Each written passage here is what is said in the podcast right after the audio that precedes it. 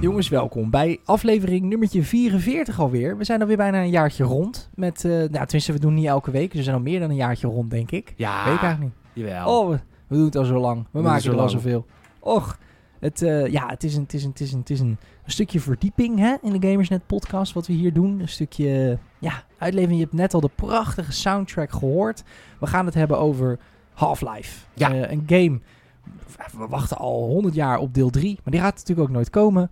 Ehm, maar we gaan het er wel over hebben. En eh, dat kan ik absoluut niet alleen, want ik weet helemaal niks van die serie. Dus eh, hij zit digitaal tegenover mij. Peter Bouwman. Hallo. Dag Peter, hoe is Hallo. het? Ja, gaat goed. Ik, eh, ik drink niet meer. Dus ik, eh, ik, mijn dagen duren lang. Dus ik ben er allemaal project... Dankjewel. Ja, Ja, ja, juni ja. hoor. Juni, juni.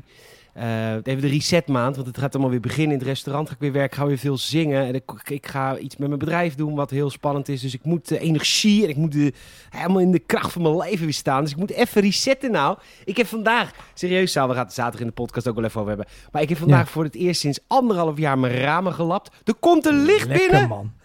Oh, niet normaal. Ik wist helemaal niet dat de wereld zo licht was. wat goed. En eh, ik heb mijn hele slaapkamer uitgemest. Kleren naar de, naar de hoe heet die mensen? Armen. Wasseretsen. de arbeiders. Arm- kleren bij de arbeid. Ja, ik ben naar een fabriek gereden met een zak kleding. ik naar de Vanellenfabriek. Ze luister, wat jullie nog wat kleding hebben jij? Jullie zijn natuurlijk al gewend om gewoon kleding met sigarettenrook erin eh, te wassen. Ik denk, nou, dat kennen hier ook wel. Ja, dus ik ben helemaal alles aan het uitmesten. Omdat ik gewoon, ja, als je drinkt, dan ben je s'avonds gewoon, dan gaat de tijd heel hard. En, eh, Ja. ja. en ik word heel vroeg wakker. Ja, door de zon en de hitte natuurlijk ook, denk ik. Ja, nou, dat, nou, zou ik je ook even vertellen. Ja, dat moet ik eigenlijk zaterdag pas doen, maar ik, ben, ik zit op een praatstoel. Ik, eh, eh, normaal gesproken, ik heb een airco in mijn slaapkamer, tuurlijk. Maar die installeer ik normaal altijd op de dag dat het 30 graden is. En dat is dan ben ik helemaal zeiknat, want ik moet dat ding over mijn bed sjouwen. Dan moet ik dat helemaal aansluiten bij mijn raam. Maar dat heb ik gewoon vandaag al gedaan. En dat was Kijk, vandaag wel te doen. Koning, super. Ja, jij slaapt ook aan de kant waar de zon ondergaat, denk ik. Nee, op. Op, oh, je slaat jou, jou je staat oh, een oesen. In Oh. Oesten, ja. Ja, dat heb ik dus ook. Ik wij hebben, bij mijn huis is echt heel erg oost-west georiënteerd. Dus die, toen we hier gingen, welkom hè, bij de Games in het podcast. Wa- w- dus, dus wij hadden, dit is echt de keuze. We hebben ook echt twee kamers. Zo van, ja, wil je 's ochtends zweten of 's avonds zweten? Dat was Ja. echt de keuze. En we hebben gekozen voor de ochtend. Oké, nou, dan kun je s'avonds lekker... Maar eh, eh, Salim Haring, dat is de host van vanavond. Ik heb het al even overgenomen. Sa.Haring is hij Ja. met INCK op de Instagram. Ja, ja, ja, ja, ja. Peter GN op Instagram, dat ben jij natuurlijk. Dat ben ik. Ehm, ja, sorry, ik skipte dat per ongeluk. Ik ging meteen Nee, die komt op mijn stukje human praatstoel. interest. Ja, kom naar mijn praatstoel. Nou, dat geeft helemaal niks. Dat geeft helemaal niks. Eh, Half-Life. Eh, ja, ik host dan altijd en dan, dan stel ik wat vragen. Maar jij, jij weet, moet- dan moet ik je wel nageven. Als jij fan bent van een serie, dan weet je er ook altijd wel heel veel van af. Zal ik het geheim even verklappen? Nou, Nou, het is wel zo dat, dat je bijvoorbeeld... eh, wij gingen natuurlijk altijd naar de E3 samen met Gamersnet. Ben ik inmiddels eh, negen keer geweest. En eh, dan, wij, zijn, wij zijn altijd maar met z'n tweeën namens Gamersnet. We zijn geen Game Kings die met acht man gaan of Paralimited die met tien man gaan. nee. Dus wat je dan voor leert is... Oké, ik heb een afspraak vanmiddag voor Warhammer 40k Alliance Marine Motherfucking Bastard. Ja, daar Ja, moet ja, ik over Goede game ook. Supergoeie game. Echt heel, heel, heel interessant. Heel Maar- goed. Eh, daar moet ik natuurlijk over schrijven. Maar Tom en ik, of Leon en ik, of Michiel en ik, wie er ook waren... we hebben niks met Warhammer. Dus wat ik in die jaren op de E3 geleerd heb... is ja, je moet gewoon je echt inlezen... totdat je het zo goed weet... dat, dat bijna niemand je meer kan betrappen... op dat je iets niet weet. En dat heb ik wel echt geleerd. Dus ik kan over elke game heb ik kennis... en ik kan het net doen alsof ik het echt heel veel van weet... Maar Half-Life ben ik wel echt gek op. Nice. Ja. Nice. Dus het is gewoon eh, jaren aan ervaring en aan deskundigheid. Hey, we moesten wel, we waren met z'n tweeën. Het was oorlog. Je moest wat? Dus oorlog, persconferentie hier. Dus Al geven, geven, hè. Aan alle kanten moet er wat van je gevraagd als, als. Ja, dan moet ik gaan, gaan praten over Pokémon. Interesseert mij dat nou allemaal? Ja, moet je gaan, ja, ben je daar moet je gaan praten over videogames? Ja, dat boeit mij toch ook allemaal ik ben hier gewoon Ja. voor de zon, hallo. Ja, hallo. Nou, een leuk computerspelletje was dat. Nou, het was enig. Je kon eh, ja, schieten of iets dergelijks. Nou, Ja. wij gaan lekker het strand op. Lekker in de Monica Beach. Leuk, gezellig. Hoi, hoi. Daarom hebben we op een gegeven moment die vlogs bedacht. Want toen ging de focus van die games af. En toen konden we Ja, wel leuke dus. dingen doen. Kijk eens jongens, super relevante content. IE, IE, IE. Nou, wij op het strand. Nee, Oh, Half-Life is echt eh, mijn jeugd, man. En ehm, Ja, nou, ik Wat zou je gaaf. vertellen. Ik, ik was laatst, eh, in het begin van de laatste lockdown, het eind van vorig jaar, toen eh, had ik natuurlijk heel veel tijd weer om handen. En eh, toen ben ik allemaal Ja. oude games gaan spelen. Toen ben ik Half-Life 2 op een gegeven moment gaan spelen. Daar komen we straks op. Maar eh, toen op een gegeven moment had ik Half-Life 2 uitgespeeld. Toen dacht ik, ga ik episode 1 spelen of ga ik gewoon Half-Life 1 weer eens even checken? Toen ben ik Half-Life 1 weer op gaan opstarten. En toen, nou, mijn mond viel open van verbazing. Want ja, Half-Life 2 is natuurlijk, maar, maar Half-Life 1 ook al. Dat is echt niet, dat is ook al genre definiërend. Echt een bijzonder goed spel. nice. Vergeten. Nice, nice, nice. Nou, laten we daar dan gelijk beginnen. Ik zie hier november eh, 1998. Eh, toen zat ik nog een strontluier. Ehm Half-Life 1. Neem ons even mee. Waar gaat het nou eigenlijk over? Maar gaat Waar- het nou eigenlijk Oh, over? feitelijk. Waar gaat nou feitelijk het spelletje over? Ja, wat Half-Life gewoon... Half-Life komt uit een tijd waarin ehm, eh, verhalende games bestonden heel erg in het shooterwezen. Je had eh, bijvoorbeeld Jedi Outcast kwam toen uit, weet je, dat soort spelletjes. Dat is eh Ja. GoldenEye 007, dat was dan wel weer gebaseerd op een film met de Turok. Dat was ook zo'n first-person shooter die wel... ja, die dino's, was. toch? Met dino's inderdaad. Ja, die heb ik ook nog gespeeld. Turok heb ik wel gespeeld. Turok. Amsterdam spellen, Turok. En, ja, hoor. Ja, maar dat soort spellen, het was wel heel erg de tijd van de verhalende shooter games. Iets wat, er, wat we eigenlijk totaal niet meer hebben. Je hoopt dat een Halo Infinite dat weer gaat brengen. Ja. En, maar anders zijn games van tegenwoordig of eh, RPG's. Maar als het echte shooters zijn, dan, wordt het, dan zijn ze allemaal competitief of coöperatief. Maar een echt verhalende shooter Ja. met puzzel-elementen, dat heb je gewoon niet meer. Ja, het, het- hetgene wat het meest in de buurt komt, denk ik, is dan eh, Fallout. Maar dat is niet echt een shooter. Nee, Titanfall Eh, 2 denk ik. Dat dat de Titanfall laatste echte ja, is. of Far Cry, maar dat wordt natuurlijk ook weer, ja, dat is ook weer Ja. ondergezaaid met al die semi-RPG-elementen waar Ubisoft zo... Het eh, is een open wereld. Het vertelt geen verhaal. Dat is gewoon weer een excuus Nee, om 100 precies. uur gameplay te... ah, ja, dat is niet eh, single... Ja, je bedoelt echt lineair ook natuurlijk. Ja, ja, Ja, ja. ja, nou goed. Ehm, Nou, dat was die tijd. Maar Half-Life komt in die tijd ook uit. Maar Half-Life deed iets wat geen enkel ander spel tot dan toe durfde. Half-Life ging... Je start de game en de eerste eh, vijf minuten van het spel eh, zit jij in een tram. En je Mm. rijdt in die tram de Black Mesa eh, facility binnen. En Black Mesa facility, daar doen ze allemaal wetenschappelijke experimenten. Jij speelt ook Morgan Freeman, je hebt een PhD. Ehm, Nice. en je komt die Black Mesa al in en het du- duurt 4 minuten 40 zie ik hier. En dan pas kun je gaan lopen. Dus de eerste 4 minuten zit je alleen maar in een soort van treintje. Je rijdt door die Black Mesa facility. En het geniale in het spel is, in dat begin kom je al langs eh, gebieden heen... waar je later als speler, als shit hits the fan, Mhm. terugkomt. Dan, dan, dan herken je dat. Maar in het eerste eh, stukje is er nog niks aan de hand. Dus je ziet wetenschappers gewoon rustig aan het werk. Je ziet ze rondlopen. Je ziet ze een beetje op een whiteboard eh, tekenen. Je ziet een, een, hoe heet het, een, een, een of andere graafmachine zie je langs rijden. Die is bezig met iets te vervoeren.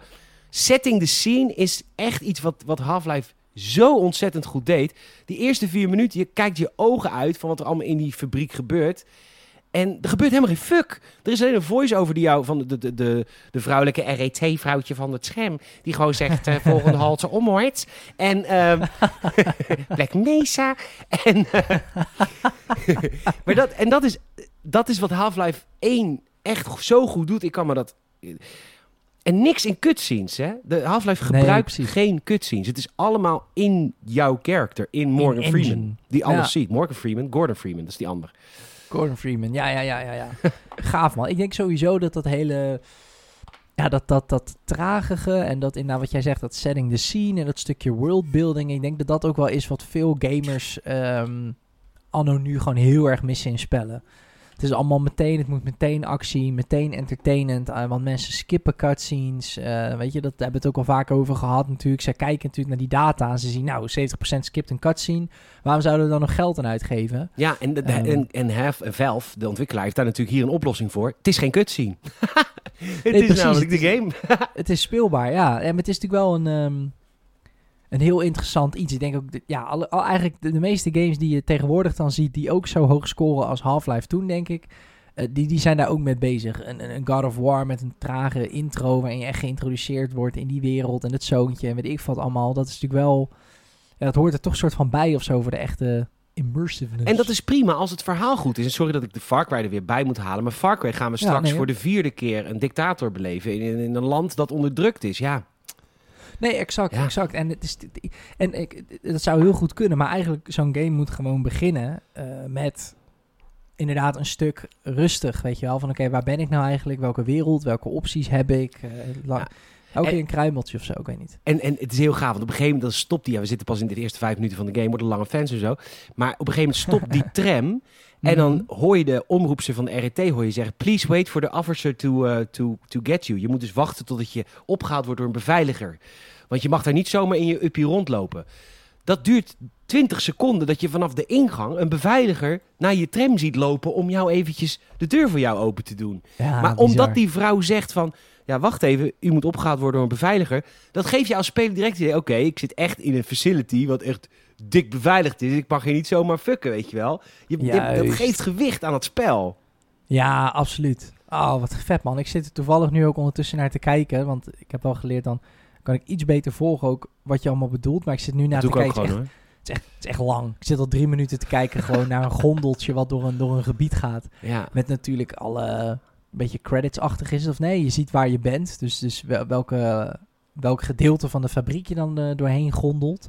ja, en de meeste plekken die je nu langskomt... Straks gaat het helemaal mis in die fabriek. Maar die meeste plekken die ga je straks weer een soort van langskomen lopend. Juist. Ja, ja, ja, ja, heel ja. tof gedaan. Ja, fucking even een vet. klein stukje achtergrondinformatie. Valve is natuurlijk een, een, de bedrijf van Gabe Newell. Gabe Newell is een van de rijkste mensen op de wereld. Niet dankzij Half-Life, maar vooral dankzij Steam natuurlijk. Dat is van hun. Ja. Eh, Gabe begon, eh, die was een drop-out van, eh, van de universiteit. Die, heeft een, die is gewoon maar gaan werken bij Microsoft. En toen hij daar twee, twee jaar werkte, toen dacht hij, nou, dit, ik kan het coderen eigenlijk wel. Ik heb het eigenlijk wel geleerd. Ik heb hier veel meer geleerd op de universiteit. Ik begin mijn eigen bedrijfje, Valve. En ik heb het idee dat ehm, eh, er in de toekomst best wel geld zit in dat hele gekke conceptje van computerspelletjes. En Slimme jongen. een slimme jongen. En die heeft toen Valve opgericht. En hij heeft toen vanuit de Quake Engine, want dat was natuurlijk toen het ding, heeft hij een eigen engine, heeft hem aangepast. En daar hebben ze de eh, eerste eh, Source Engine, de Gold Source Engine, meegemaakt. Dat was eigenlijk een gemodificeerde eh, Quake Engine. En daar is die eerste Half-Life niet de beelden die jij nu ziet hoor, want ze hebben hem, op, ze hebben hem opnieuw opgebouwd vanuit de nieuwe Source Engine. Maar ehm, dat is wel tof hoe ze zijn begonnen. Vet. Hij is trouwens ehm 4,1 miljard dollar waard. Oké. En 4,1 miljard kilo. Dus dat is ongeveer ratio 1 op 1. ja. Ja, het is een, eh, het is een wat zwaardere man. Hij lust Ja, een carbonaatje.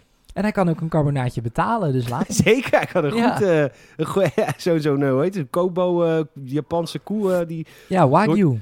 die wordt opgevoed met klassieke muziek en zo. Dat kan hij wel betalen. Ja hoor, de, de- ja, dat, daar kan je er wel een stuk of drie van halen voor dat geld. Je Hey, komt die ehm, facility binnen, eh, ja. je moet je melden, er zit een receptionist. En overal in het begin wordt jou uitgelegd, dit is een belangrijke facility. Je komt bij een deur, die is dicht. Dan is er zo'n security agency die zegt, ah, Mr. Gordon Freeman, ik doe wel even die eh, security deur voor jou open. Die gaat dan naar zo'n retinal scanner en via zijn ogen gaat die deur open. Dus je hebt continu het idee, oké, is best wel belangrijk wat ik hieraan moet doen. Uiteindelijk ben je dus inderdaad overgevlogen om een test te doen. Je komt in een enorme... Straks ga ik sneller hoor. Straks ga ik skip ik even door de game. Maar ik bedoel, de Ja, setting, de scene is zo bijzonder van Half-Life. Je komt in een enorme testkamer. En eh, volgens mij ben je een theore- theoretische wetenschapper. Maar op een of andere manier moet je iets heel praktisch doen. Namelijk een karretje in een soort van ja, beam duwen. Dat, dat doe je. En vervolgens gaat alles mis. Die, die, dat soort kristal, kristal wat je in die beam hebt geduwd. Vervolgens, eh, en dat doet de game heel goed... zie je jezelf even een paar seconden in een andere dimensie. Je, een paar Hmm. seconden kom je op een plek waar allemaal aliens zijn. Huh, weird. Een paar seconden kom je op die plek. Heel weird. Een paar seconden kom je eh, nog allemaal rare wezens tegen. En dan ben je weer terug. En als je terugkomt is die hele Black Mesa hal vernietigd. Oh shit. Oké. Er is Je hebt een soort van tijd gerezen of zo. ja, dat weet je dus niet, maar het heeft dus te maken met dat er een dimensie is opengebroken en dat er daardoor aliens naar hier zijn gekomen. De Ja, dimensie is een opengescheurd. Soort van. Ja, oké. Gaaf. En dan Klinkt begint goed. eigenlijk je reis, want dat is eigenlijk de simpele missie van Half-Life, is ontsnap uit Black Mesa. En- Ah.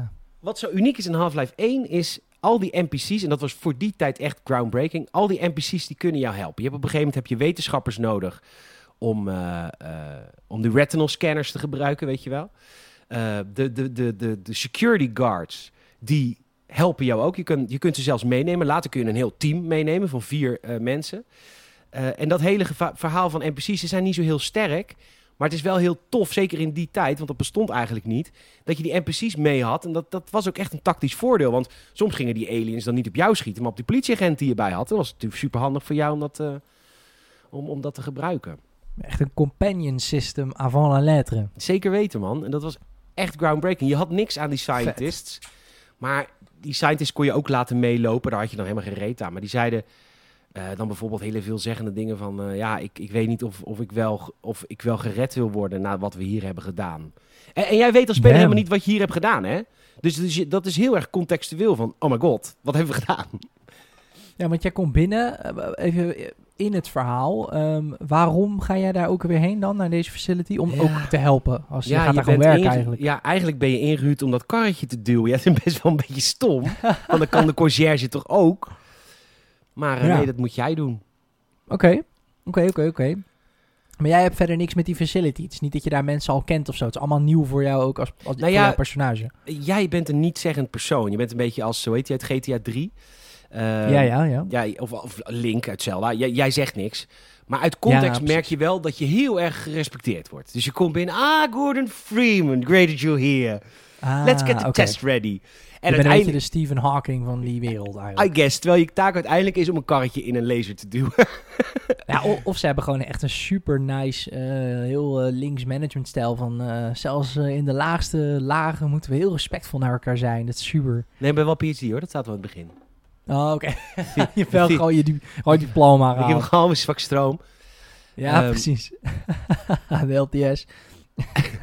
En, en het is ook een tijd, en dat mis ik heel eerlijk gezegd ook. Dus, dat wordt een beetje open verteld, vroeger was alles beter. Maar het was ook de tijd dat je heel veel puzzels moest oplossen in eh, first-person shooters. Dus dat was ehm, de, de eerste grote eindbaas die je hebt, die... eh, het is een enorme beest met klauwen, maar op een of andere manier staat hij onder een eh, raketlanceerder. Nou ja, die raket moet natuurlijk aan, want dan kun je die verbranden. Maar dan moet je eerst de benzinepomp aanzetten, dan moet je de motor starten. Dus en, en dat leidt je dan naar allemaal verschillende gebiedjes. Eh, ook dingen met stroom werkt goed. Eh, water kan onder stroom staan. En dan moet je een schakelaartje uitzetten van het licht. En dan staat het stroom uit. En dat was toen... Was één gimmick misschien goed gelukt. Maar het, alles wat werkte in Half-Life 1 samen. NPC's die je hielpen. Toffe puzzels. Vette wapens. Goede gunplay. Een ontzettend Vet. interessant verhaal. Helemaal contextueel verteld. Dus niks met cutscenes. Gewoon echt gewoon in-game. Ja, Ach, echt een, eh, een thriller. En gewoon een mysterie oplossen eigenlijk. Ja, want op een gegeven moment, als je drie kwartier eh, uur in het spel zit, dan, dan, dan, dan of nou, ik denk half uur al wel, dan gaat het dus los, want dan komt dus het leger langs. En die scientists die denken dan, yes, het leger komt ons helpen. Nee, het leger is er eh, is aangekomen om, eh, om de getuigen te vernietigen. Oh shit. Dus ja, de- want het is een ja. cover-up. Ja, dus niet alleen de aliens die zijn gespond uit die dimensie, die zijn jouw vijanden, maar ook het leger. Dus je hebt ook menselijke tegenstanders. Damn, En, vet. eh, en die zijn moeilijk, man, want die gooien met veel granaten. Granaten zijn wel eens wel dodelijk. en, Oké. Ja, echt vet spel. Het laatste wat ik over wil zeggen is dat er heel weinig muziek in zit. Behalve als het erin zit, is het heel goed.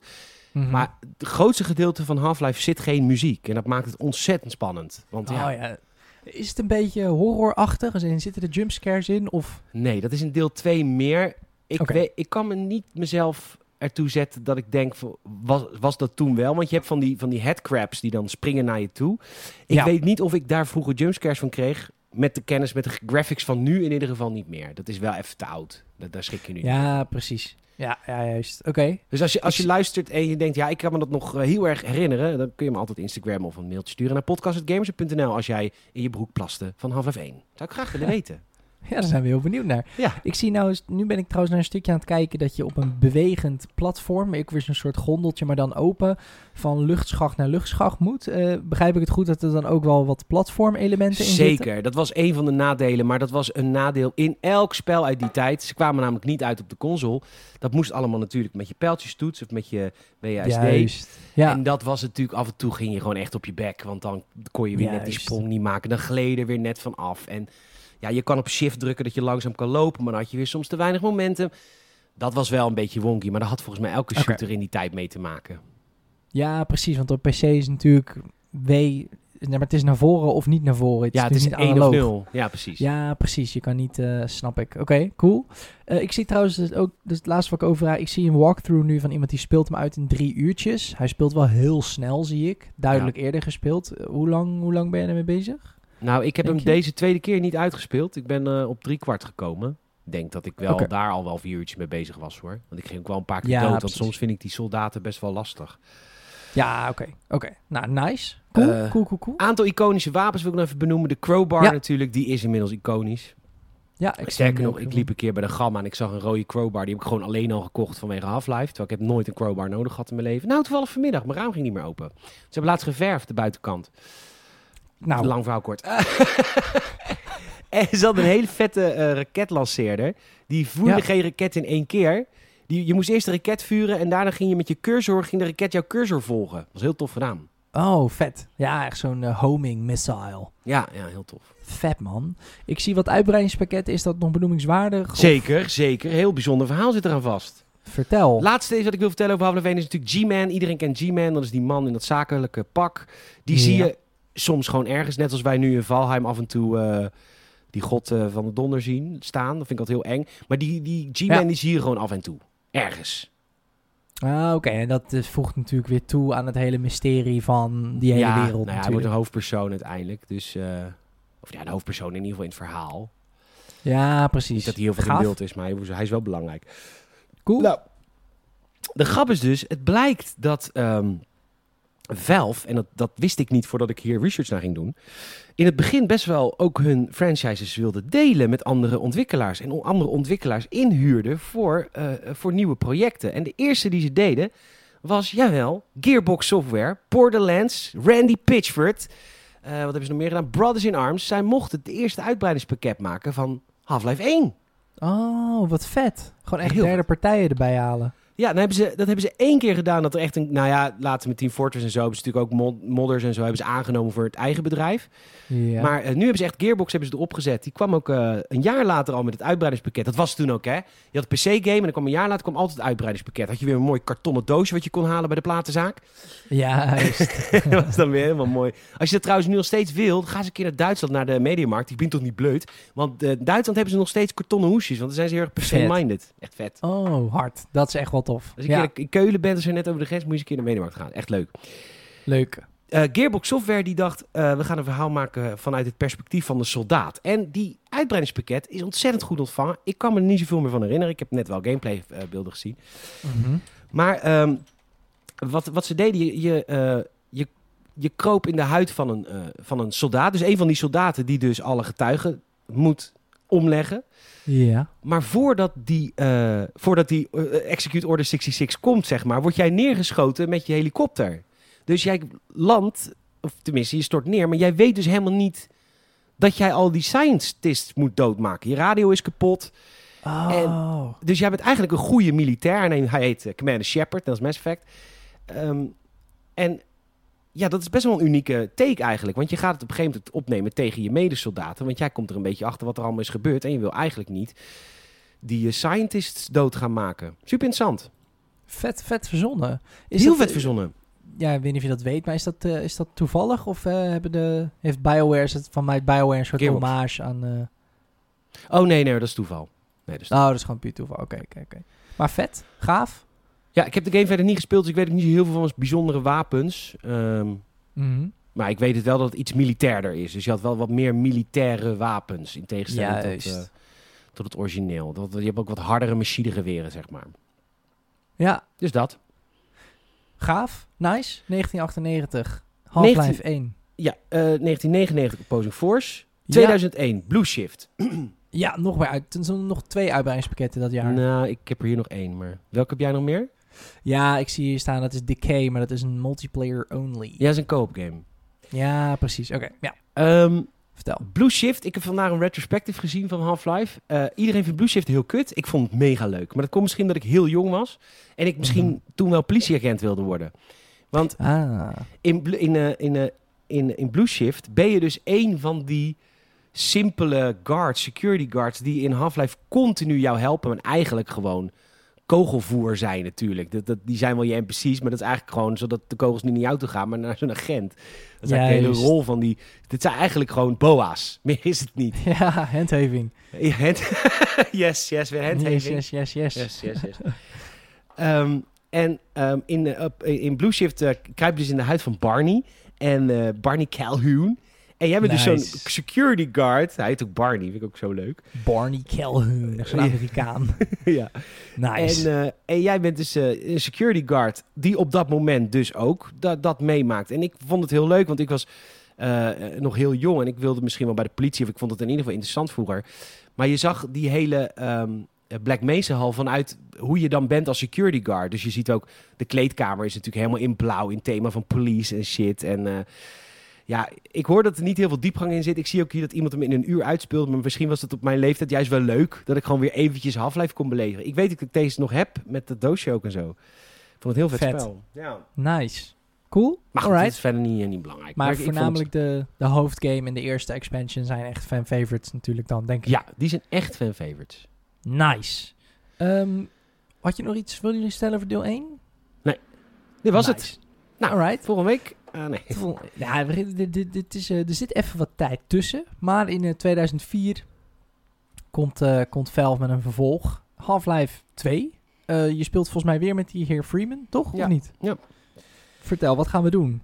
nou, de, de hele aankondiging hier naartoe al. Want je moet je bedenken dat ehm Half-Life 3 gaat nooit komen omdat het, ze het niet hoefden te doen. Ze verdienen genoeg geld met Steam, maar ook omdat het, de, de, de statuur van Half-Life 2 was zo groot. Hoe kom je daar nog overheen? Dat is gewoon niet te doen. Nee. Maar dat vonden ze eigenlijk ook al van de stap van 1 naar 2. Want in de tijd dat Half-Life 2 er nog niet was, dacht men van Half-Life 1 van oh my god, veel beter kan het niet. Juist. Oké. Er zijn best wel eh, eh, interviews geweest met Gabe, New Gabe Newell. En die heeft eh, ook dingen geschreven in, in de making-of gids. Van ja, ik, ik schrijf dit nu en ik weet niet of ik de verwachtingen van Half-Life 2 of van Half-Life 1 kan overtreffen met Half-Life 2. Nu jij dit leest, weet jij dit wel. Ik weet het nog niet. En dat vind ik fucking eng. Ik vind het niet tof. Hij was ontzettend onzeker over Half-Life 2. Omdat ze, ja, het was groundbreaking technologie. Het was heel veel op physics. Dat is natuurlijk, zat in deel 1 niet. Dat was in die Nee. tijd sowieso niet. Heel erg op Nee. physics en op ragdoll. Ah, en- dat, was, dat was eigenlijk dat was, dat was hetgeen wat ze nog konden toevoegen eigenlijk. Mm, ja, maar ze voegde zoveel meer toe. Want wat Half-Life Oké. 2 doet, is niet normaal. Je komt wederom aan eh, met een soort eh, trein. Eh, Ja, maar dan kom ook zo Half-Life 2 erbij pakken. Dan hoef ik het niet allemaal uit mijn hoofd te doen. Dat is wel even Ja, wat is makkelijk. hier een kleine... Ik heb hier een linkje eventueel voor je. Nee, Of, oké, eh, ja, man. Maar het is, het is wel weer een, een- weer een kleine throwback naar deel 1 natuurlijk. Dat je weer in een trammetje aankomt. Ja, maar je komt nu dus in die stad aan. En die, eh, die stad die is helemaal overgenomen door de Combine. De Combine is het alien-ras wat eh, eh, aarde heeft overgenomen inmiddels. En die aliens zijn natuurlijk gekomen dankzij die fout in Black Mesa. Juist. Maar die Ja. zijn nu de overheersende ras. Oké, de Apex Predator. De Apex Predator. En, ehm, en jij gaat bij het verzet. Dat is eigenlijk waar het op neerkomt. En eh, setting the scene. eh, trouwens, die guy in het begin die je ziet. Die, eh, die guy die jou begeleidt. Dat is dus Barney. Die is dus Ah, inmiddels oh, is hij dus geen agent meer, maar die zit bij het verzet. Ja. En, ehm, god, hoe heet die stad ook alweer? Ik kan het honderd keer zeggen. Wacht even, sorry. Iedereen schreeuwt nu naar me natuurlijk. Stomme loser. Maar even City voor mijn 17? beeld... ehm, City 17. hey, ik wist het voordat ik het zag. City 17. Maar even voor mijn beeld, dat die Combine, is, dat is dan ook een intelligente alien soort? Zeker. Het is geen diersoort, zeg maar. Het is wel Nee. Oké, ja. Eh. Nou, er zijn wel verschillende, eh, er zijn ook verschillende, verschillende soorten aliens. Maar die guys, die, eh, die guys die jou zeg maar, die als soort van gemene security agents in die stad zijn, dat zijn allemaal aliens. ah, oké. Een soort van Nice. stormtroopers. Ehm, Cool. Half-Life 2 bestaat uit een reis. Je moet van punt A naar punt B en dat mislukt. Er wordt een soort van eh, teleporteermachine uitgevonden. Ehm, Alex die wordt in die teleporteermachine gezet door onder andere Barney en de wetenschapper uit deel 1. Bij haar lukt het wel, want je moet naar het verzet, je moet naar haar vader. Je moet City 17 uit. Eh, Ja. Die teleporteermachine werkt bij haar wel, en bij jou gaat die stuk. En eigenlijk is de eerste he- heel lange gedeelte van de game is de reis. Reis naar de soort van hoofdkwartier van het verzet. Verzet tegen de aliens. Vet. Maar de game is zo ontzettend afwisselend. Het is ook echt in, in, in, in fases in te delen. Je begint natuurlijk heel simpel een stukje te lopen met een gun en met je crowbar. Je krijgt natuurlijk als eerste weer je crowbar, want dat is zo iconisch. Die krijg je ook van Ja. Barney hier. Daar moet je mee wat kunnen. Ehm, je merkt ook al best wel snel dat je alles kan oppakken. Dan heb je Ja, nog niet zie- zeggen... Ik zie nu toevallig een stukje gameplay dat een van die guards, die, die, die gooit dan een blikje van een prullenbak af. En dan Ja. kan jij het oppakken en netjes weggooien. Ja, en als je het niet doet, krijg je klappen. Ah, nice. Oké. Als je het niet doet, krijg je klappen. Dus het eerste stuk moet je echt een soort van lopen door sewers. En het is allemaal heel goor. Het tweede stuk krijg je voertuigen. Want voertuigen doen ze hun intrede in Half-Life 2. Half-Life 2 is een stuk groter qua scope dan Half-Life 1. Wat zich eigenlijk alleen afspeelde in Black Mesa. Het, eh, het eerste voertuig wat je krijgt is een, eh, is een soort eh hovercraft. En ja. ja. dat werkt gewoon heel eigenlijk open wereld, Halo-achtig. En dan elke keer moet je ergens stoppen om bijvoorbeeld een poort open te maken of door een brug te bouwen of er is een ja, is iets op slot en dan moet je stoppen en dan stap je uit en dan kom je op een nieuw gebiedje en daar moet je de met tegenstanders verslaan. Maar geen gebiedje is hetzelfde, weet je. Elke klein stukje gebied heeft andere unieke gameplay of in ieder geval een andere invalshoek. Er is niks Far Cry generiek. Alles is gecureerd. Juist, je hebt niet het gevoel wat we natuurlijk bij veel Ubisoft games dan tegenwoordig hebben. Ja, sorry, we vallen ze een beetje aan, maar we zijn nog een beetje zuur van de laatste persconferentie natuurlijk, Ja, van Far Cry 6. Ja. Ehm, mocht je dit heel laat luisteren, dat was een kutpersconferentie destijds. Oh, ik ga Ehm, het voorspellen. De game is nog niet uit, maar de game gaat tegenvallen. Of heeft tegengevallen, alvast voorspelling. Als je het over twee jaar luistert. God, was een matige game, hè, Saal? Far Cry 6, oh, was Ja, echt weer, echt- we hadden echt eh, vernieuwing verwacht, maar Ja. dat was echt niet wat het had moeten zijn. Maar gelukkig was eh, Far Cry, of eh, Assassin's Creed uit 2022 een baanbrekend nieuwe game. Haha, we hopen. Hoop, hopen we niet. Ehm, maar Nee, maar alles is tof. afwisselend, weet je wel. Ja, Het is- precies. het is, er- overal gebeurt iets anders. Dan komt er een helikopter. Dan worden de eh, vlammende barrels naar beneden gegooid. Dan komen er weer wat van die carbines naar beneden... zodat je er overheen kan rijden met je truck. Dan komt Ja, er... je, hebt- je hebt gewoon niet het gevoel van, oké, er is een bepaalde blauwdruk van een level en dat hebben ze acht keer in een Nee. ander jasje gegoten. Ze hebben het ook keer expres niet gemocapt. Omdat ze wilden alles zelf in de hand hebben. Oh, wauw, bizar. Dus elke beweging die je een tegenstander ziet maken... is allemaal gewoon de code. Allemaal en, geanimeerd. Wauw. ja. Terwijl dat ho- hoefde niet. Het- Toen konden ze al mocap. Hebben ze ervoor gekozen om het niet te doen. Omdat ze het echt allemaal in eigen hand wilden houden. Fucking vet. Fucking vet. Ja, de, de, de gameplay, eh, het meest opvallende is denk ik de ragdoll. Voor die tijd zeker. Ja. Eh, kan je een beetje uitleggen hoe dat precies werkt en hoe dat in Nou, de game terugkomt? Eh, we, we hebben het eerste stuk gehad. Dan heb je er nog niet zoveel mee van doen met de ragdoll. Dan kom je eh, bij Eli, de vader van Alex. En Mhm. die vertellen je moet nu verder. Dan kut. De, de, de, de, de, de combine zijn, die zijn op ons spoor. Je moet ontsnappen, Gordon. Hier heb je een gravity gun. Ja, en de Ah. gravity gun, ja, dat...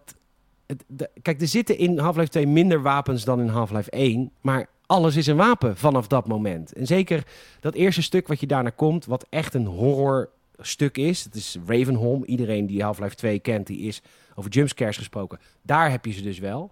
Oké. Maar echt heel erg. Want daar heb je dus nog een soort van geavanceerde headcrabs die zo eng zijn. En die maken een soort van geluid. En dan Ja. springen ook altijd op je af als je het niet verwacht. En als, je, als, ze, als ze in een andere kamer zit, hoor je al dat... En dan, oh my god, die sound engineering is zo fucking creepy, maar zo goed. Nice. Maar alles is dan een wapen. Dus alles kun je oppakken. Van een blikje tot een doos, tot een, tot een, tot een kast, tot een stoel. Maar ook een stukje cirkelzaag. En dat betekent Ah. op dat moment is het heerlijk om, om die zombies te doorklieven. Die zie je dan ook echt in tweeën gereten worden. En eh, ja, dat, dat, maakt, dat, maakt, dat maakt Half-Life 2 eigenlijk. Dat en de story. En, Want ehm, dat soort ragdoll physics, dat is natuurlijk, dat leent zich heel goed voor puzzels. Zo van plaats een doos hier en eh, klim daarop. ja, gebeurt. Ehm, Dat gebeurt natuurlijk. Eh, ge- gebruik je het ook in combat? Je zegt Ja, heel erg. Ja, ja, gaat- je gooit. Je hebt eh, met de rechtermuisknop pak je iets op, dan zweeft het voor je. En dan met de linkermuisknop ja, lanceer je het. Je kan alles lanceren. Alles. Ah, juist. Dus je gooit gewoon zo'n cirkelzaag tegen zo'n beest aan. Ja, en die is dan echt door twee gekliefd. Ook nog dat ook nog echt op physics Ah, gebaseerd. Fucking vet. En je kan ook bijvoorbeeld je health packs en je kogels ermee pakken. Want je wordt er ook heel lui van. Ja, tuurlijk. Ja. Ja.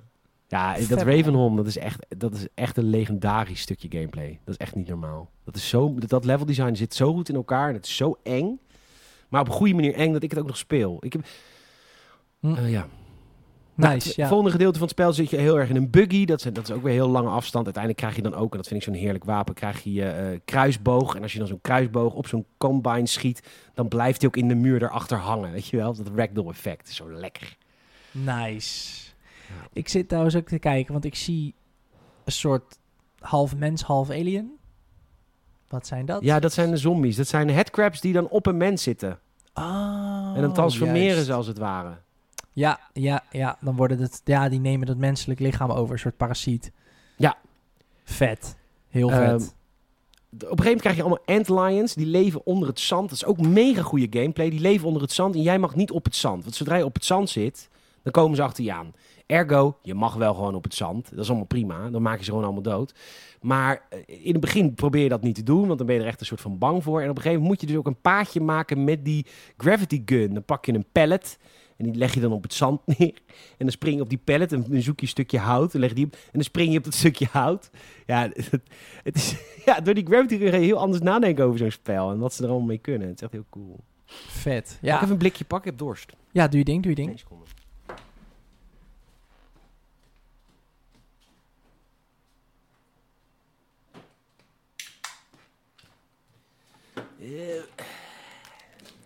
Ja, is vet man. Blikjes tijd. Ja, want ik kan me ook al voorstellen. En jij hebt, heb je Half-Life 2 ook nog gespeeld laatst of niet? Ja, blijft er juist. Juist. Ja, Daar begon ik me- mee. wat ik me wel afvraag, en dat, dat vind ik vaak met dit soort games, is omdat dat, wat je zegt, zo'n gravity gun is oprecht, geeft dat een gevoel van ja, eindeloze mogelijkheden natuurlijk. Ehm, heeft het daardoor de tand des tijds ook beter doorstaan? Nou, laten we allereerst even de graphics noemen. De graphics zijn nog steeds mooi. Ik weet niet hoe ze het hebben gedaan, maar jij ziet deze game nu voor je. Dit is gewoon nog steeds een mooie game. Er zijn games die minder mooi zijn nu. Ja, zeker. Ik- Zeker ik als denk- je ziet hoe je tegenstanders geraakt worden en shit. Ja, ik moet zeggen, ik ben persoonlijk ook echt een physics man. Als in, ik vind, ik heb liever minder graphics en betere physics. Maar dit is inderdaad grafisch ook echt wel een, een, een, een bizar mooi spel. Zeker voor die tijd. En inderdaad, dat, dat heeft de tijds zeker ook wel doorstaan wat ik nu zie. Maar wat ik, wat ik me gewoon kan bedenken is, omdat je alles op kan pakken... Ja, dan ga je de eerste keer ga je het spelen met heel veel schieten. En de andere keer ga je ook gewoon spelen met... Oké, Ja. hoe ver kan ik komen door alleen maar kasten naar die beesten te gooien? Ja, zeker. En, En dat is nu nog steeds leuk, natuurlijk. Dat bedoel ik te zeggen. Zeker. De- de- ook de wapens zijn namelijk heel vet. Op een gegeven moment krijg je een machinegeweer, heeft die een secundair wapen. En de secundaire wapens, dat zodra er een combine in de buurt is, die worden dan in een soort van een zwart gat getrokken. Ziet er super vet uit. Oh, fucking awesome. Ja, die, die, die, die, die alternatieve calls zijn trouwens wel heel schaars, want anders zou je dat constant doen. En op een gegeven moment krijg je ook een squad en dan mag je vier squadleden meenemen. Ja, neem altijd een medic mee, zou ik zeggen. Weet je wel, daar moet je dan ook even over nadenken. Die medic wil je ook in leven houden. Want die kan jou fixen. Ja, Ja. en eh, god. Wat een ja, spel. briljant. Echt briljant. Ziet er echt goed uit. Ja, ik- denk echt zo'n gravity gun is gewoon tijdloos. Dat blijft gewoon Dat leuk. is echt tijdloos, ja, dat blijft leuk. Ja. Die companions, is dat tof? De AI? Of is het kogelvoer? kogelvoer. Oké. Ja, precies. Maar ze schieten eh, wel. Maar het is wel kogelvoer. Ja, ze- jij bent wel echt... Ja. eh, dat wordt wel echt anders in het volgende deel. Dan, dan is Alex je companion en die is dan ook wel echt goed. Ja, Aan het eind van Half-Life eh, Half-Life 2 komen we de- eindelijk de antagonist tegen. Dat is Dr. Breen. En Dr. Breen is eigenlijk de ambassadeur voor de mensheid. Hij is in dienst van de aliens. Want de aliens zijn nu de baas. Hij is in dienst van de Ja. aliens namens de mensheid. Is hij de baas, als het ware. Anton En Mussert. Een soort van. Ja, een beetje beladen, maar... ja, dat mag. Oh ja, Ja. je hebt, eh, op een gegeven moment krijg je inderdaad ook een gravity gun upgrade. Dat je ook gewoon mensen kan schieten inderdaad. Oh, dat was ik vergeten. Vet, man. Ja. En dan aan het eind dan, eh, komt die meneer weer langs, de G-Man. Die zet tijd stil en die zegt... Oh, Gordon Freeman, je hebt je werk goed gedaan. We hebben een goede toekomst voor je. En dan blijkt het dus, jij werkt voor hem, I guess. Spannend, oké. Ja. Gaaf. Ja. Vet man, dat het, dat het ook zo lekker mysterieus blijft, die hele game. Ik moet zeggen dat qua vibe en qua omgevingen en sfeer heeft het wel iets weg van The Last of Us. Ja. Ja? Omdat je, ja, in de zin van, zeker in deel 2, deel 1 heb ik dan niet, heb ik, ja, heb ik niet gespeeld. eh, maar in deel 2 ben je aan het begin natuurlijk ook echt gewoon, je wordt gedropt in een wereld van mensen die aan het overleven zijn, zeg maar. Dus Ja. zo'n stad en weet je wel, dat soort dingen. Dat, dat, dat, daar doet het me een beetje aan denken, ook als je dan een parallel wil trekken met iets van, eh, van, van nu. Jonge kijkertjes.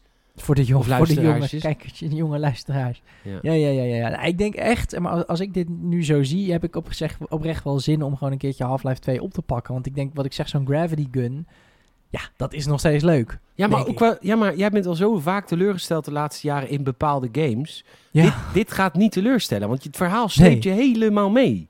ja En precies. het is ja. constant anders ook.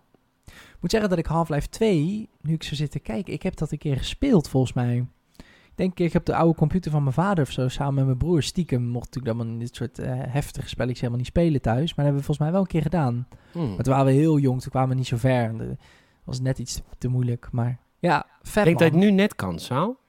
Nee, ik denk dat het ik, met mijn Ubisoft-ervaring aan games, denk dat het net aan eh, Ja. moet lukken. ja, die, die, dat bedrijf denkt dat de doelgroep zo dom is. Dus eh, Ja, want je bent nu Mass Effect aan het spelen. Dan moet je ook zelf nadenken. Dat is nog wel een ding. Ja, dat, nou, dat is pittig hoor. Nee, Ja, het, gaat nu goed. Het gaat nu, ja, ik was zo stom. Ik, ik had niet gezien dat er een map zit in Mass Effect. Nee. Ja, eh, loser ben ik ook. Maar goed, vet spel. Het ziet er goed uit. Ja. Is, Nou. is, is er meer? Want de- ik Ja, dacht, zeker. is- Oh, oh, ja, wat, wat, eh, wat nog meer dan? Nou, daar komen we, nou, nu komen we op de controverse, hoor. Niet dat het Oh. slechte spellen zijn. Nee, er kwamen drie episodes na. Half-Life 2. Oké. Half-Life 2, episode 1, Half-Life 2, episode 2 en dan Half-Life 3. Ja, dan vermoed je episode 3. Episode 1 komt uit in, eh, in 2006 en die brak wel een beetje met het spel als in eh, waar de eerste twee games het verhaal vooral heel erg contextueel vertelden en heel veel minder luisteren naar gelul. Mhm. Eh, was Alex jouw companion, Alex is dat meisje in episode 1. ja, En die, het was een heel heftig verhaal wat er vanaf nu verteld wordt. Ik weet er inhoudelijk niet zoveel meer van, maar ik weet wel dat het lang was. En de game werd ook niet zo heel erg, ja, werd wel goed ontvangen als in, ja, eh, de gravity gun zit er nog steeds in. En eh, je, je kan eh, vette orbs schieten, waardoor je, zeg maar, dat kun je tegen tegenstanders gebruiken. Maar daardoor kun je ook weer portalen aanzetten, waardoor je verder komt in het level. Dat was wel een leuk puzzel-elementje. Voelt heel Portal trouwens. Ehm, zelfde maker ook toch? zeker. Zelfde engine ook, ja. Oké, ja. Ja. Weet je, ja. Eh, de, de, de- de- heel vet level is de parkeergarage. Die is wel echt heel tof. Want daar is het dus helemaal donker. Over The Last of Us 2 of 1 gesproken trouwens.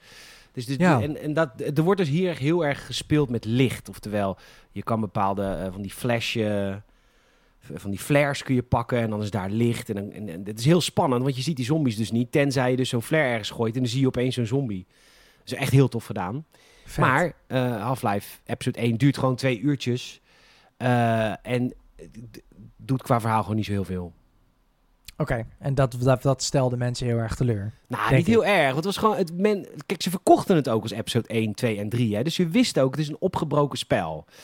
Dus dat was ook het verwachtingsmanagement. hebben ze goed gedaan hoor. Dus dat was wa- ook prima. Maar wat ik nu zie, ik zie dan... Ja, misschien dat dat meer semantics is, gewoon qua benaming. Maar het is dan Half-Life 2 en dan heb je Half-Life 2 episode 1 en episode 2, toch? Ja. Dat zijn de drie delen, zeg maar. Ja, precies. nee, en dan komt episode 3. Ja, goed, daar gaan we het zo over hebben. Oké, Episode ja. 2 komt in 2007 uit. En dat, schijnt voor, dat is voor heel veel mensen de beste Half-Life 2 game. Of de beste Half-Life game zelfs. Mhm. Eh, dit, hier komt namelijk het verhaal tot conclusie. En we gaan weer terug naar open werelden. Waar episode 1 was best wel een soort van beperkt. Gaan we, Ja. Krijgen we hier weer open velden. Waar je echt heel vette eh, verschillende eh, manieren hebt om grote tegenstanders uit te schakelen. De Hunters is een nieuwe tegenstander. Die is best wel moeilijk te verslaan. Eh, maar je krijgt ook veel meer. En dat vonden denk ik mensen ook heel tof van episode 2 is de companions. Je had in, in episode 1 had je alleen Alex. En in episode 2 komen ook weer gewoon je, je, je verzetstrijders komen weer, eh, komen weer erbij kijken. En dat voelt toch een beetje, geeft op meer gewicht. Ja, ja, ja. Ehm, je gaat ook weer met een voertuig op pad. Er zitten meer puzzels in Half-Life eh 2, episode 2. En het verhaal komt tot een, tot een voorlopige conclusie. Want het is natuurlijk... ehm, episode 2 eindigt met een enorme cliffhanger naar episode 3. Eh, de, va- de vader, spoiler alert, de vader van Alex wordt vermoord. En eh, die zegt eh, net voor zijn dood... je moet naar de, naar de Noordpool of de Zuidpool. Wat is die Arctic? Arctic, is dat Noord of Zuid? Weet ik eigenlijk niet. Eh Zuidpool, iets, iets met ijs, Ti- Tirol. Heel koud. heel koud, je bent net Tirol, gezellig. En er is een schip, de Borealis, en die moet vernietigd worden. En eh, dat, zegt, eh, dat zegt Alex vader tegen haar. Dat schip moet je vernietigen. En dan wordt haar vader vermoord. Oké. Punt. Oh, shit. Je weet helemaal niet waarom en hoe en... Want episode 3 is nooit verschenen. Wel aangekondigd, maar nooit verschenen. Waarom niet? Ze durft het niet meer. Nou, ik denk dat het een, een combinatie van factoren is. Het idee wat ze hadden voor episode 3 was te groot. En, ja, weet je, als je een miljard verdient met, met Steam... Want dat was nu natuurlijk wel... Steam was in volle glorie nu. Eh, Ja, de enige ook. Tegenwoordig heb je natuurlijk wat gasten die proberen te concurreren met ze. Maar Nou ja, ze zijn nu- heel lang eh, echt de enige geweest. ja, zeker. D- dit is ook de tijd dat Half-Life 3 weer in ontwikkeling zou kunnen zijn. Omdat nu hebben ze eindelijk een concurrent met Epic. En dat is heel goed. Want dan denkt Steam straks natuurlijk... we moeten weer iets hebben voor ons platform. Want dat hebben ze Ja. jarenlang... hebben ze geen concurrentie gehad. hebben ze niks hoeven bouwen. En dat hebben ze ook Nee. Amper gedaan. Portal 2 was hun laatste singleplayer game. Ja. Ehm, maar nee, episode 3 is dus nooit gekomen. In 2000, dus 2007 was episode 2 uitgekomen. In 2008 is het laatste concept art van episode 3 verschenen. Hebben ze echt gewoon nog gedeeld met de wereld. En een aantal jaren later heeft de schrijver, een van de schrijvers van de Half-Life reeks, heeft het verhaal van episode 3 naar buiten gebracht als tekst. Gewoon het verhaal. Oh, oké. Dus de mensen weten wel waar het naartoe ging. Ja, nou ja, nu achteraf, ja. En eh, nou ja, ze zouden dus inderdaad naar, de, naar, de, naar, de- naar die vrieskou gaan. Ze zouden naar dat schip gaan. En daar hebben ze een techniek waardoor je kunt teleporteren naar verschillende dimensies. Er komen verschillende realiteiten weer. Dat komt een beetje een terugkomst van Juist. ja, Half-Life 1 natuurlijk. Ja, ja, precies. Dat het allemaal. En dan eh, vermoeden ze dat Alex uiteindelijk dat hele, die hele shit heeft eh, kapot gemaakt. En dat het ook echt het laatste optreden zou zijn van Gordon Freeman. En dat ze dan hier verder zouden gaan met Alex. Eh, maar dat is nooit gekomen. En dat is echt raar, man. Dat is, echt, en dat is, ook, dat is natuurlijk ook de, de, de, de mystiek rondom Valve. En, en Half-Life 3, inmiddels denkt iedereen, ja, dan gaan we maar naar Half-Life 3. Maar dat is, dat is, dit is natuurlijk de reden. Want hierna, in 2008, het laatste concept art, toen Ja. hoorden we tien jaar niks. Bizar. Terwijl ja. de game was aangekondigd. Er is concept art. Ja, dus mensen waren een soort van in afwachting van. Het is, het is natuurlijk ook echt een meme. Half-Life 3. Waar is Half-Life 3? Is natuurlijk een beetje een Ja. soort, soort grapje geworden. Zo, zo, zo lang hebben mensen het idee dat ze erop hebben moeten wachten. Ja, bizar. Ja, maar Hm. kijk, het is natuurlijk eh, in het concept art boek van, eh, van Half-Life 2... Het voorwoord van Gabe Newell is natuurlijk veelzeggend. Ik weet niet of dit een game is die een waardige opvolger is van Half-Life 1. Die man is heel onzeker. Anders eet je ook niet zoveel. En nee, maar dat is, dat is, dat is vaak zo. En, Ja, ja, ja. ehm, dus die, die, die man is heel onzeker. En als je dan eh, een bedrijf hebt waarvan je helemaal niet had verwacht dat dit jouw core business zou worden. Hè? Het is een beetje GameSnet met de tuk-tuks. Van eh, we bedenken er iets bij, maar dat gaat op een gegeven moment meer opleveren dan de website zelf. Nou, dat is Steam natuurlijk dan 80 miljoen keer uitgegroot. Als je dan inmiddels een platform hebt waar je zoveel geld mee verdient en je hebt die plankenkoorts. Ja, ik snap wel dat je dan op een gegeven moment denkt, ja, waar, waar begin ik aan? Ik krijg hier stress van. Ik, ben hier, ik, word, Ja. ik word hier onzeker van. Ik heb een huis van een miljard. Ik zit hier wel prima. En snap je wat ik bedoel? Ja, je wilt natuurlijk ook niet ehm, eindigen met een domper. Je Nee. wilt natuurlijk, natuurlijk op je hoogtepunt, je wilt natuurlijk ja, dat, dat dan de, de- het derde deel het crescendo is en, eh, en dat niemand het meer heeft. Want dat is natuurlijk vaak het ding, dus dat je dan net een deeltje te ver gaat. Nou ja, weet je wat het was? Wat, hoe het had moeten zijn? Half-Life episode 1, Half-Life 2 episode 1 had fantastisch moeten zijn. En Half-Life episode 2 had maar iets minder moeten zijn. Maar dat was het niet. Episode 1 Nee, was ja, iets minder. ja. En toen kwam episode 2 en dat vond iedereen weer helemaal geweldig. Ja, Ja, ga dan maar episode 3 nog even maken. En dat Ja. was ook echt hun prioriteit niet meer. nee, nee, Ehm, precies. Grappige wel is dat in die story eh, in van episode 3 zou ook zijn dat ze daar, de techniek die daar bedacht is, zou zijn van Aperture Science. En dat is natuurlijk het bedrijf van Portal. Oh ja, dan zou het en- zo een... eh, En het zou ook helemaal niet gek zijn om te bedenken dat dat hele Portal-techniek, dat dat een idee was voor Half-Life episode 3. Ja, precies. Ja, oh, het is toch een soort uitgebreide gravity gun of in ieder geval een nieuw soort iets. Het lijkt er natuurlijk ook op. Een soort van. Omdat het Ja. ook zo'n soort van die haakjes heeft. En ja, grappig. Ja, bizar. Jammer wel, maar ja, ik, ik kan me dat heel goed voorstellen. Ik kan me echt bedenken van, oké, ja, Net een beetje met, met, met Star Wars natuurlijk.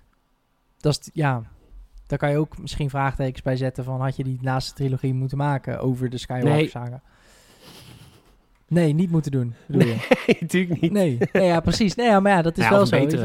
Ja, precies. Maar ja, mensen onthouden toch dat. Weet je wel, Star Wars eh, uitzondering. Natuurlijk, mensen kennen ook de oudere films. Maar goed, het is toch iets wat je achterlaat dan op die manier. Ja, maar goed, ja, eh, maar dan moet je niet zeggen we gaan drie delen maken.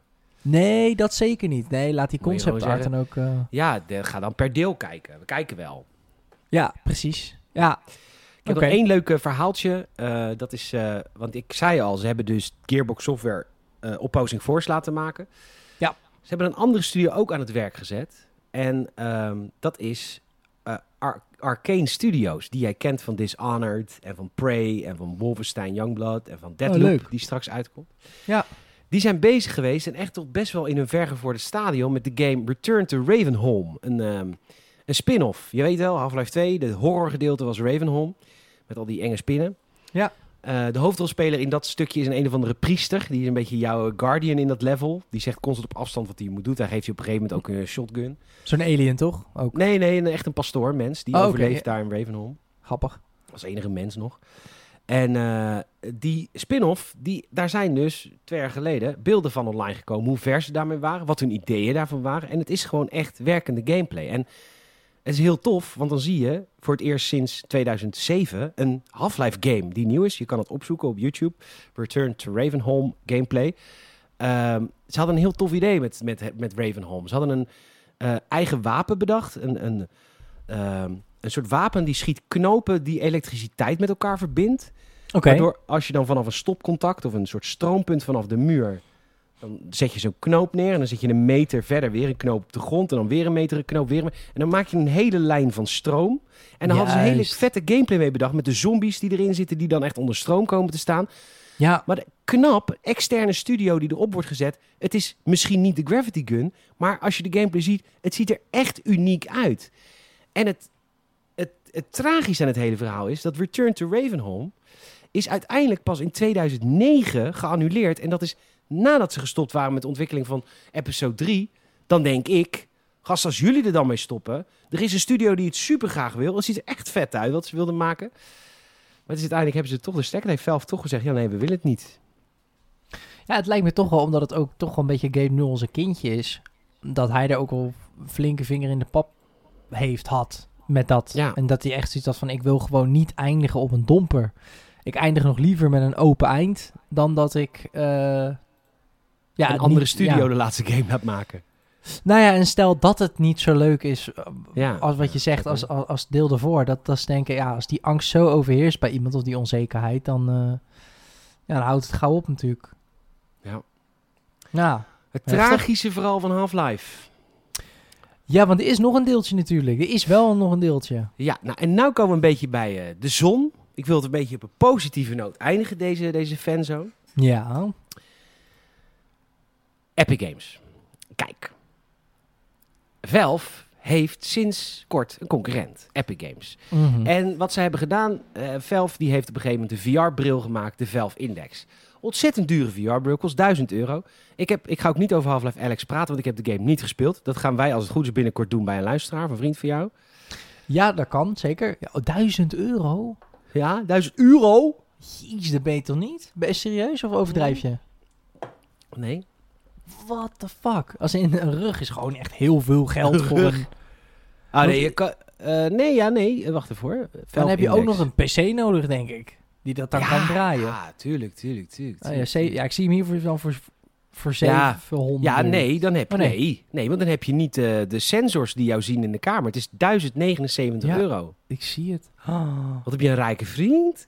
Is die leuk? Oh, wat is dit? nou, hij heeft een baard. Is niks voor jou. nou ja, weet je, als hij dat kan betalen. Dat vind ik dan wel prima. Principe door de vloeibaar.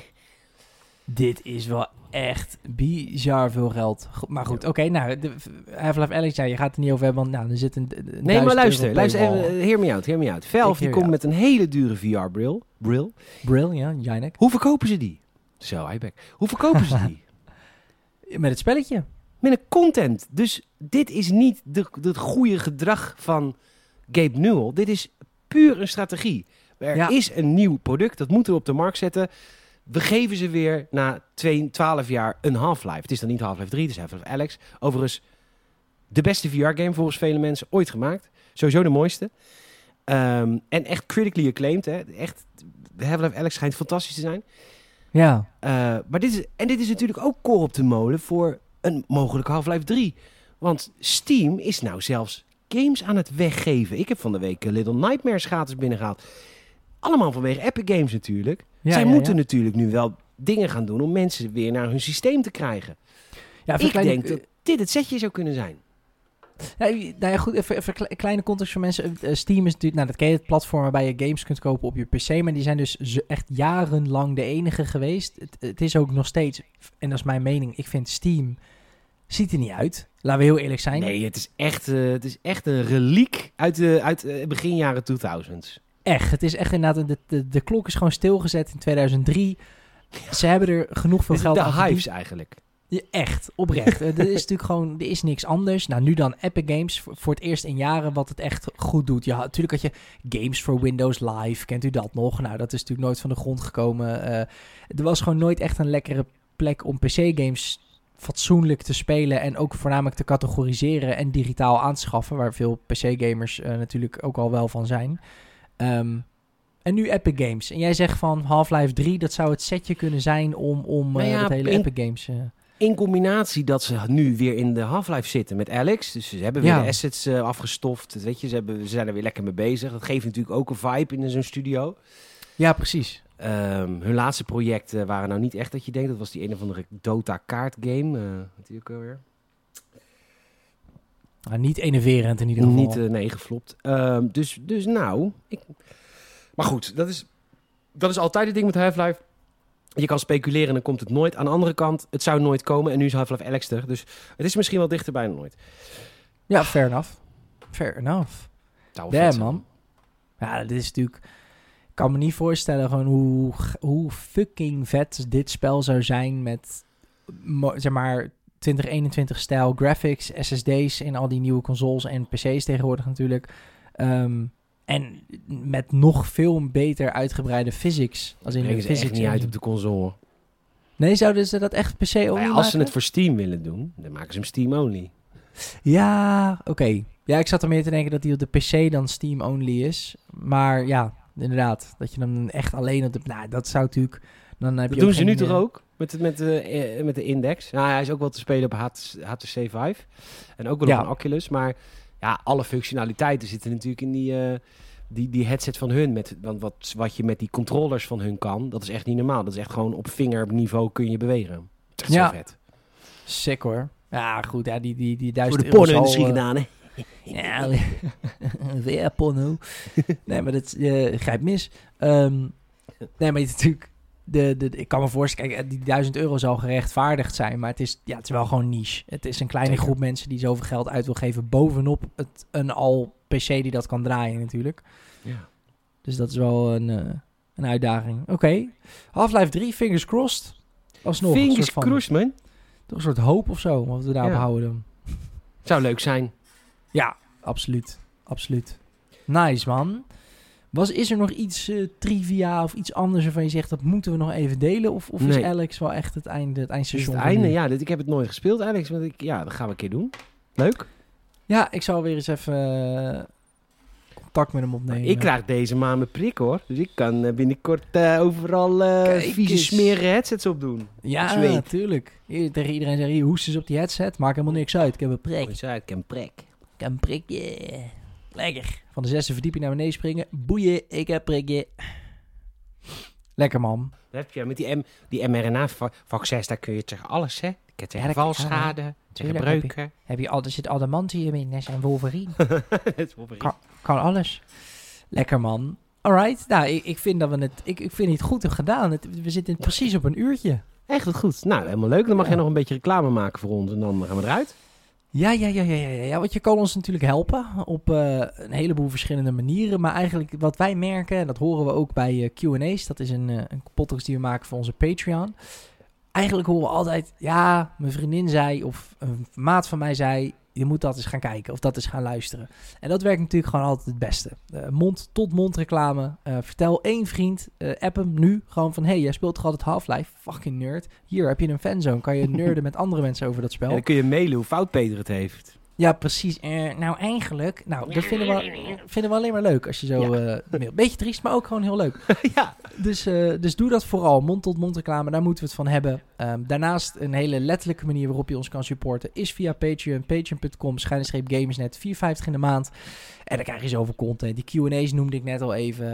we hebben... 66 hebben we er al, hè? 66. 66. En ze gaan ook niet weg, hè? Dus er is nee. daar iets. Er is daar iets. Nou, we, we, je moet je adres afgeven en dan stopt Peter je gewoon in zijn kelder. Maar daar gaat niet om. nee, ik stuur je maar, het Gamersnet vakantieboek. Kijk, dus je bent gewoon de hele zo... Dat, dat is een hele goede plug. Het Gamersnet vakantie doeboek. Als je nu lid wordt, we hebben er nog twintig, dan krijg je er eentje opgestuurd. Nee. Uh, tuurlijk gaat ze voor niks als je lid wordt. Um, we hebben, we hebben een video waarin Peter en ik elke week het meest ranzige, vette vreten naar binnen werken. Super banaal, super grappig. Het is nog ongeremder. Een aftershow, Q&A's audiocommentaren van de films die uh, Peter en Michiel kijken voor het filmhuis. Het is allemaal zo geweldig goed en zo leuk. Um, Patreon.com schrijf gamersnet. Um, en het allerlaatste, en ja, dit staat al een tijdje stil en ik wijs gewoon lekker naar Apple. Ik zeg gewoon dat het een kutsysteem is. De Apple Podcast Reviews, uh, ik heb geen idee hoe het precies moet. Het schijnt best lastig te zijn. Maar wil je nou de moeite, is een goede reclame dit. Wil je nou de moeite nemen? Apple Podcast Reviews zouden we ook heel leuk vinden. Geef ons even vijf sterren als je ons dat waard vindt. Um, en laat even weten waarom dan. En dan hopen we eigenlijk voor de zomer de 150 te halen. Maar dat uh, ja, mag ook volgend jaar zomer. Dat, Daarom. We pinnen ons niet vast op een jaar. Nee, precies. Dat, uh, dat houden we lekker vrij. Dus zo kan je ons helpen. Ik nou, uh, goed. denk dat dit hem was. Ik weet niet of jij nog een final thought hebt. Nee, ja, ik, uh, vrijdag gaan wij weer een reguliere Games podcast opnemen.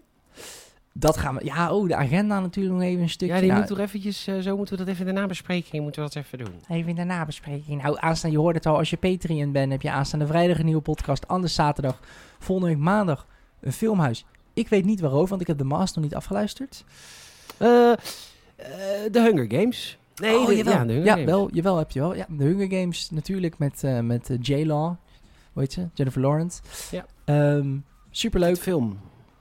Vette film. En volgende week misschien weer een fanzone of niet. Dat is nah, natuurlijk een Er staat er niks op de rol, maar we kijken wel. Ja, dat gaan we weer zien. Um, maar in ieder geval voor nu heel erg bedankt natuurlijk weer voor het luisteren. En uh, tot, uh, tot zaterdag of vrijdag als je Patreon wordt.